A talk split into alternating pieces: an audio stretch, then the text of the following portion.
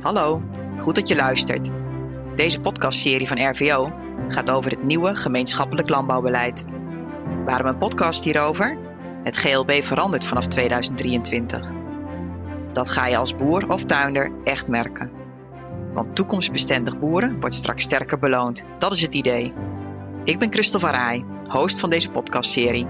Om meer te leren over het nieuwe GLB praat ik met beleidsmakers en met agrariërs over hoe je dit beleid kan inpassen in je bedrijf. Dit is de vierde GLB-podcast, dit keer speciaal voor de jonge boeren. Leonard Jan Onnes heeft in maatschap met zijn vader een akkerbouwbedrijf in het Groningse Finsterwolde. Hoewel de eco-activiteiten in het nieuwe GLB nog niet vaststaan, verdiept Leonard Jan zich in de mogelijkheden voor hun bedrijf. En vandaag gaan we in gesprek over de kansen die hij ziet. Leonard Jan, een paar weken geleden belde ik je om deze podcast te bespreken en een afspraak te maken. En voor de opname wilde je graag eerst de GLB-conferentie van 1 juli achter de rug hebben. Vanuit je rol als portefeuillehouder akkerbouw bij het Nederlands Agrarisch Jongerencontact schoof je er aan bij een van de discussietafels. Wat heeft je dat opgeleverd? Nou ja, dat, dat, het is in elk geval fijn dat ik nu wat meer informatie heb over hoe het GLB er waarschijnlijk uit gaat zien. Hè, want het is natuurlijk nog steeds niet 100% in beton gegoten. En wat ik ook wel heel interessant vond, is dat, dat je daar ook in gesprek gaat met alle andere partijen. Want ja, goed, natuurlijk heeft een, gaat het een enorme impact hebben op de boeren. Maar ja, er zijn natuurlijk wel veel meer partijen die er ook op de een of andere manier wel een uh, belang bij hebben. Of in elk geval ook mee te maken krijgen. En dan is het uh, bij zo'n conferentie is het dan wel heel interessant dat je ook van hun hoort hoe zij er uh, tegen aankijken of wat, wat hun ideeën bij het GLB zijn. En hoor je dan op zo'n dag ook nog praktische dingen van die je kunt toepassen op jullie eigen bedrijf? Je, hoort natuurlijk wel wat voorbeelden, maar ja, waar je een beetje tegenaan loopt, is dat eigenlijk elk bedrijf, hoewel we allemaal boeren, wel natuurlijk weer super specifiek is. En wat voor mij uh, goed kan passen, dat kan voor mijn buurman met hetzelfde bouwplan, uh, maar zo uh, in één keer eigenlijk helemaal voor hem niet passen. Dan zul je toch al uiteindelijk zul je daar gewoon echt zelf naar moeten kijken, wat past mij het beste. Maar goed, het zet je natuurlijk wel aan het denken als je een ander hoort praten over hoe, hoe, hij er in elk geval mee omgaat. Ja, het kan je natuurlijk aan de dingen doen denken waar je anders niet bij stil had gestaan, dat dat ook wellicht wel een optie is voor op je bedrijf. Ja, heb je daar ook een voorbeeld van of is dat uh, minder makkelijk te bedenken? Het scheelt natuurlijk dat ik al wel een tijdje met het GLB uh, soort van bezig ben. Dus dat denken, dat is niet uh, pas vanaf 1 juli is dat natuurlijk begonnen. Ik ben al, al wat langer ben ik aan het denken van, goh, wat zou er allemaal kunnen? Ja, ik durf zo niet meer te zeggen wat me allemaal geïnspireerd heeft tot hoe ik er nu op dit moment tegenaan kijk. Op de website van de RVO staat een uh, overzicht hè, van voorlopige eco-activiteiten. Nou ja, je zei net al, het is nog niet allemaal in beton gegoten. Maar als je naar zo'n lijst kijkt, zie je daar dan ook dingen in waarvan je zegt van nou, dat doe ik eigenlijk al? Of geef je dat een beeld bij wat je nog moet doen? Ja, nou, eigenlijk staat er al best wel veel op wat ik doe. Alleen uh, je weet natuurlijk niet precies wat de voorwaarden gaan zijn. Hè? Dus het kan maar zo zijn dat de voorwaarden dusdanig zijn dat je toch nog wel het een en ander uh, erin aan moet passen. Ja, en er zijn ook wel dingen waarvan ik denk van, nou ja, ik, ik, ik doe het wel, maar ik weet niet of het direct goed is dat dat ook in het GLB, uh, of dat je er punten voor kan krijgen. En daar kan ik wel een voorbeeld van noemen. Er staat nu bijvoorbeeld ook in dat het vroegere oogsten van rooigewassen, nou dat is bij mij op de grond, is dat ik zit op zware klei. Dus hier worden bieten worden altijd vroeg gerooid, omdat dat uh, ja, als je later bent, dan is de kans dat je nou ja, veel, veel schade rijdt in de grond en dat je er misschien niet meer een ander gewas ingezaaid krijgt in het najaar. Dus wij willen altijd vroeg rooien. De, de reden dat het er waarschijnlijk in staat is omdat je natuurlijk, het geldt voor anderen natuurlijk ook, hoe vroeger je rooit, hoe kleiner de kans op structuurschade in je bodem. Alleen de fabriek die, die zit natuurlijk wel gewoon met een planning en die zit van het begin tot het einde, zitten ze bijna op 100% van hun capaciteit. Dus ja, ik, ik zit er stiekem zelf niet echt op te wachten dat in andere delen van Nederland men opeens ook uh, vroeg wil gaan rooien. Want dan wordt het misschien voor mij juist veel lastig om straks ook nog in de planning uh, nou ja, vroeg aan de beurt te zijn. Maar ja, ik heb ook wel weer begrepen dat, dat het ook weer meer regio-specifiek de regels ook weer wat kunnen veranderen. Dus je moet dan natuurlijk ook gewoon eerst even afwachten hoe het precies dan uh, uit gaat pakken. Ja, en het feit dat je een, uh, een regel of hè, dat je een eco-activiteit aangeeft van die wil ik gaan toepassen. Maar mocht je daar toch, uh, om wat voor reden dan ook, mocht dat gewoon niet lukken. Ik bedoel, het is niet zo dat je daar dan voor afgestraft wordt. Je krijgt alleen je punten niet. Nee, klopt. Nou ja, goed. Ik wil het liefst gewoon vroeg blijven rooien. Ik ga er ook wel vanuit dat het kan. Bij deze zie ik zelf minder in van nou ja, hoe dat echt gaat bijdragen, omdat je zo afhankelijk bent van de suikerfabriek. Maar bij andere rooigewassen kan het natuurlijk bij aardappelen of zo, zou het natuurlijk wel een, uh, misschien een voordeel kunnen zijn als, uh, als men daar men, uh, nou ja, aan de hand van, van die eco-regeling en de punten die men krijgt, het zo wat eerder uit de grond haalt en niet meer tot het laatste wacht. En dat de kans op structuurschade dus minder wordt. Maar goed, dat is ook wel mooi dat ik dat nu nog misschien een beetje mee kan geven. Deze, omdat het allemaal nog niet vaststaat. En dan hoop ik dat ze daar nog een voordeel mee gaan doen. Uh, Lene Jan, wat zijn nou eco-activiteiten waar jij echt blij van wordt? Dat zijn er eigenlijk wel meerdere, denk ik. Kijk, ik pas nu al een paar jaar niet keer in de grondbewerking toe. Dus, en daar ben ik heel enthousiast ben ik daarover. Tenminste, dat, dat past bij mij goed. En ik word er blij van dat, dat ik dus al iets doe wat erop staat. Want dat is makkelijk afvinken. Ik word ook denk ik wel blij van uh, misschien hierdoor de, de teelt van eiwitgewassen. Als dat echt een beetje een boost kan krijgen. Dan word ik daar ook blij van. Dat daar meer potentie in komt ik word denk ik ook wel blij van, of nou ja, blij, of nou, waar ik voor mezelf in elk geval wel potentie ook in zie, is een mengteelt. Ik heb namelijk net op de proefboerderij hier gezien, dat werd uh, roodzwink, dat is een gras, dat werd dan onder tarwe werd dat gezaaid. Dat volgens eh, de, de eerste resultaten zou dat zo'n 2200 kilo organische stof, uh, zou dat dan op, opleveren per hectare. Dat is best wel, best wel, wel redelijk. Alleen ja, nu kost het natuurlijk wel geld om dan ook nog extra grasterraswaren onder te gaan zaaien. Maar als dat dan straks met die eco-regelingen, dat je daar dan uh, extra voor uh, een vergoeding voor krijgt. Nou ja, dan biedt dat, uh, biedt dat denk ik ook wel potentie. Ja, dus dan voel je daarin echt de stimulans die gegeven wordt ja, je, voor wat je gaat doen, krijg je, hoe meer je doet, hoe, hoe meer je natuurlijk straks krijgt. Dus, uh, dus ja, dan, uh, je, je, hoeft niet uh, per se dat je maar één of twee dingen mag kiezen. Je, mag, ja, je, je, moet zelfs meerdere dingen kiezen. Ik doe het op dit moment nog niet, maar ik denk wel dat ik dat van zo'n die, die mengteelt met dat gras onderzaai, dat dat wel op mijn bedrijf wel zou passen in ons voorgesprekje vertelde je dat je al best wel veel aan natuur doet. Hè? Ook via de Agrarische Natuurvereniging Oost-Groningen, via de ANOG. Betekent dat ook dat als je nu naar dat overzicht van eco-activiteiten kijkt, dat je daarom ook al een aantal dingen ziet van, oh, die je eigenlijk straks zo kunt afvinken, om het zo maar eh, te zeggen?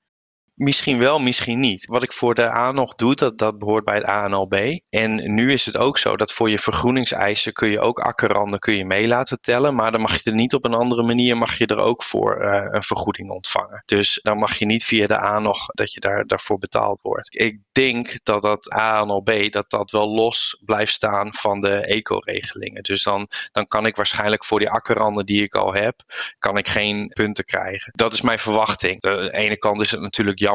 Aan de andere kant zie ik gelukkig nog genoeg andere dingen op de lijst staan waarmee ik denk dat ik wel aan voldoende punten kan komen straks. En staan er ook dingen bij die je uh, echt denkt van nou dat wil ik wel eens uit gaan proberen. Ik heb geen idee of het hier gaat werken, maar ja, nou ja, er staat bijvoorbeeld ook van uh, de teelt van een eiwitgewas. En het lijkt me gewoon hartstikke leuk om uh, eigenlijk een nieuw gewas te gaan telen. Hè. Er komt natuurlijk wel weer even wat bij kijken, maar dat kun je zien als een uitdaging. Nee, en dan zou in mijn geval zou bijvoorbeeld uh, veldbonen zou me dan wel wat lijken. Het, grote nadeel van veldbonen op dit moment is dat het saldo toch nog wel een beetje achterblijft bij andere gewassen die, die je ook voor zou kunnen telen, zoals bijvoorbeeld tarwe. Terwijl het risico op een wat minder saldo wel wat groter is. Nou ja, als er dan straks vanuit het GLB dat je er punten voor kunt krijgen en daardoor eigenlijk een soort van tegemoetkoming in de kosten of in elk geval een soort vergoeding. Ja, dat kan net het verschil maken dat je denkt van nou ja, dan, uh, dan ga ik het toch maar eens doen. Want dan is een deel van het risico is als het ware dan toch gedekt. Ja, snap ik. Het maakt het, uh, de uitdaging en het verkennen maakt het dan toch wel wat uh, makkelijker. Ja, want uiteindelijk, ik denk wel echt dat het voor mij voordelen heeft om bijvoorbeeld veldbonen te gaan telen. Het is echt het, het saldo waar ik een klein beetje tegenop hik, als het ware. En dan, uh, ja, dan is dit misschien net het setje wat ik nodig heb om uh, toch los te gaan. Hey, jij, je zit in maatschap samen met je vader. Hè? Zijn dit ook dingen die jullie samen bedenken? Of is het echt iets waar jij je vooral graag op start? Nou ja, uiteindelijk zijn goedkeuring is natuurlijk wel belangrijk. Ik zit er wel wat meer in, dus ik, ik ben er wel wat meer mee bezig dan hij. En dat komt natuurlijk ook dat, dat zoals zo'n keuze als uh, van ik ga bijvoorbeeld veldbonen telen. Ja, dat is niet een keuze die je eigenlijk dan voor één jaar doet, maar dan doe je dat dan wel met het idee om dat dan een, een vaste plek bijvoorbeeld in je bouwplan te gaan geven. Niet dat ik verwacht dat mijn vader er uh, op korte termijn al mee stopt, maar uh, de lange termijn is natuurlijk voor mij wel net even wat belangrijker dan dat het voor hem is. Maar hij ondersteunt me er wel volledig En hij, uh, hij stiekem het ook wel leuk om dan met, uh, met bijvoorbeeld zo'n nieuwe teelt te beginnen. Maar we, we overleggen natuurlijk wel alles samen. En net in het begin uh, vertelde je van ja, het kan best wel zo zijn en maatregelen moeten bij je passen. Want het kan best zo zijn dat een buurman een vergelijkbaar bedrijf heeft, vergelijkbaar bouwplan, maar dat hij toch bepaalde maatregelen niet zal doen die jij wel doet. Waar zit dat dan in? Is dat dan een ondernemerskeus? Past het bij jou als ondernemer of zijn er dan toch nog andere dingen die meespelen? Dat van een ondernemerskeus, dat is iets. Hè? Want ik heb bijvoorbeeld al vrij veel akkerranden. Nou, ik weet van meerdere buren die vinden dat de nadelen van een akkerrand, dat die uh, eigenlijk groter zijn dan de voordelen. Ja, dat is natuurlijk een uh, persoonlijke, ja, hoe je er persoonlijk tegenaan kijkt. Die zullen nooit met akkerranden beginnen. Daar zit natuurlijk al het eerste verschil. Een ander voorbeeld is dat ik pas heel veel niet-kerende grondbewerking al toe. Nou, niet-kerende grondbewerking staat ook in de lijst. Dus daar zou ik dan wellicht, ondanks dat ik het nu al doe, zou ik daar misschien straks ook al wat punten voor kunnen krijgen. Het nadeel van niet kerende grondenwerking is wel dat je meer onkruidzaden natuurlijk, dat je die bovenin houdt. Over het algemeen is het allemaal goed te bestrijden. Alleen hier in het Oldambt, waar ik met mijn bedrijf zit, hebben we best wel een probleem qua duist. Nou ja, goed, op mijn percelen valt dat gelukkig nog heel erg mee. Bij mij is het nog beheersbaar. Maar ik heb hier wel buren vlakbij zitten die eigenlijk precies hetzelfde bouwplan qua grondsoort en alles hetzelfde, maar die al wel echt een duistprobleem hebben, wat niet meer onder de controle is. Die kunnen daardoor eigenlijk geen niet-kerende grondbewerking gaat doen. Want dan wordt het probleem wordt gewoon nog veel groter. Dus die moeten gewoon puur vanwege dat duisprobleem, moeten die toch eigenlijk blijven ploegen. Dat is geen onwil. Ze zien ook wel de voordelen van niet-kerende grondbewerking in. Dan wordt het voor hun gewoon onwerkbaar. Dus kijk, ik vind zulke dingen, ja, dat is dan toch maatwerk. En dan kan maar zo zijn dat wat bij de een wel past, bij de buurman uh, net niet past. Ja, en sluit dan het nieuwe GLB, hè, zoals het nu opgezet gezet wordt, sluit dat dan uh, naar jouw idee goed aan bij dat maatwerk wat nodig is? Als je nu kijkt naar de lijst, dan, dan is er wel voldoende keuze. Daarom denk ik dat er voor iedereen zit er wel wat in. Ik weet natuurlijk nog niet precies hoeveel punten elke regeling op gaat leveren. En of je, dat zal ook een belangrijke factor zou dat zijn. Maar in principe denk ik dat iedereen er wel mee, uh, mee uit de voeten zou moeten kunnen. Voor sommigen zal het even eh, een, een, een, omschakeling zijn. Maar ja, goed, aan de andere kant, als je boer is, continu omschakelen, want de omstandigheden zijn nooit hetzelfde. Dus uh, ja, dit is gewoon een van de, van de vele factoren die, die meespelen. En die jij vooral als uitdaging ziet. Ja, nou ja, goed. Het is natuurlijk wel een feit dat we, hè, we uiteindelijk straks meer moeten doen voor uh, minder geld. Dus ja, dat wordt niet anders. Maar goed, dan kun je denken van dat, dat is heel zuur. En dat is natuurlijk aan de ene kant is dat ook wel jammer. Maar aan de andere kant, het is wel zo dat we als, als akkerbouw hebben we natuurlijk wel heel veel, nou ja, uh, opgaves waar we aan moeten voldoen op gebied van klimaat, emissies, waterkwaliteit. Het alternatief is dat je op de oude voet doorgaat en dat je gewoon allemaal regels opgelegd wordt wat voor iedereen hetzelfde is. Nou, en dan heb ik veel liever dat je nu zelf uit de maatregelen kan kiezen wat het beste bij jou past. En de ene die doet maatregelen wat, die doet wat meer op het gebied van waterkwaliteit, de ander doet wat meer op het gebied van emissie en weer een ander doet wat meer op het gebied van waterbufferend vermogen als het ware. Maar wel dat wat past op jouw bedrijf. En zo kunnen we er toch voor zorgen dat we als, als gehele sector aan de opgaves werken die, uh, waar we aan moeten werken. Ja, zonder dat je gedwongen wordt om uh, dingen te doen die gewoon echt niet bij je bedrijf passen. Wat dat betreft denk ik dat dit wel een goede zaak daarin is. En als je met ja, andere jonge boeren zeg maar, hierover praat, over het GLB, over de, ja, de activiteiten die je kunt doen op dat vlak, wat voor reacties krijg je dan? Dat is wel ge gemengd. En dan zitten de. Kijk, over die, die eco-regelingen, daar, daar hoor je weinig, uh, weinig kritiek als het ware. Hè? Want nou ja, ook omdat dat een keuze is. Nou, er zijn natuurlijk ook wel een aantal dingen die veranderen, wat straks geen keuze is, maar wat wel een verplichting. Maar, en daar is men wel wat huiverig over van hoe dat dan precies gaat uitpakken. Maar ja, goed, dat is ook allemaal nog niet. niet, niet uh, staat ook nog niet allemaal helemaal vast. Dus dat, dat, moeten we allemaal even zien. Waar heb je het dan over? Nou, dat gaat dan bijvoorbeeld over hoe vaak je nog aardappelen achter elkaar mag, mag telen, bijvoorbeeld. Dat kan natuurlijk voor sommigen, als je in één keer minder vaak aardappelen achter elkaar mag telen, dat kan best wel een behoorlijke impact gaan hebben op je bedrijfsvoering. Dus daar, daar zijn sommigen zijn er wel wat, wat bang voor hoe dat dan zich uh, precies uitgaat, hoe de uitwerking daarvan gaat zijn. Maar goed, dat is op dit moment, weet ik dat ook nog niet. Nee. nee. Nee. Ja, als je gaat kijken naar het GLB, hoe het nu uh, opgezet is, dan is uh, kennisoverdracht is daar ook een belangrijke in. Is daar ook nog iets waarvan je denkt, nou ja, voor jongeren, als je aan kennisoverdracht wilt werken, dan is dat onderwerp of die aanpak zou volgens mij echt werken. Heb je, heb je daar een beeld bij? Wat ik het fijnste vind werken, om het zo maar te zeggen, is dat ik ben bijvoorbeeld gisteravond ben ik naar een uh, bijeenkomst geweest van de, van de ANOG, waarin zij een uh, drietal regelingen hebben getest. Hebben ze afgelopen jaar hebben ze daar een proef voor opgezet van de eco-regelingen. En uh, hoe goed dat dan uitpakt en waar je tegenaan loopt. En dat is eigenlijk best wel interessant. En dan kun je vragen kun je aan elkaar stellen. En er waren ook wel wat, wat specialisten waren erbij. er waren onderzoekers, er waren specialisten van, van toeleveranciers, van de ANOG zelf. Ja, en dan ga je met elkaar in gesprek. En je staat gewoon in het veld, daar waar het gebeurt. Ja, en waar kun je het beter vragen wat de beste manier is om het aan te pakken als je daadwerkelijk daar staat waar het ook plaatsvindt. Dus uh, ja, ik vond gisteravond vond ik, uh, ontzettend leerzaam. Ik denk dat het goed is om uh, meer van dat soort bijeenkomsten te gaan, te gaan organiseren.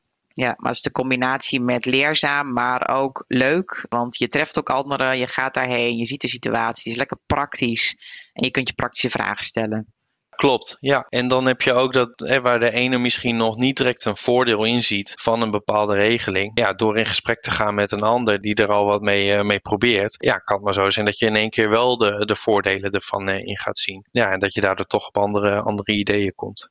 Denk je dat social media richting jongeren ook belangrijk is hierin? Dat, dat uh, ook heel veel digitaal ondersteund zou moeten worden in kennisoverdracht, het enthousiasmeren van, van jonge boeren? Dat vind ik wel een moeilijke vraag als ik om me heen kijk, dan zou ik zeggen van ja. Maar als ik naar mezelf kijk, dan zou ik weer zeggen van nee. Want ik heb er zelf weer wat minder met, uh, met social media. Maar goed, dat is, uh, ik zie het wel om me heen. Ik denk meer dat ik er wat in achterloop. Dat het meer over mij zegt dan over de rest. Ja.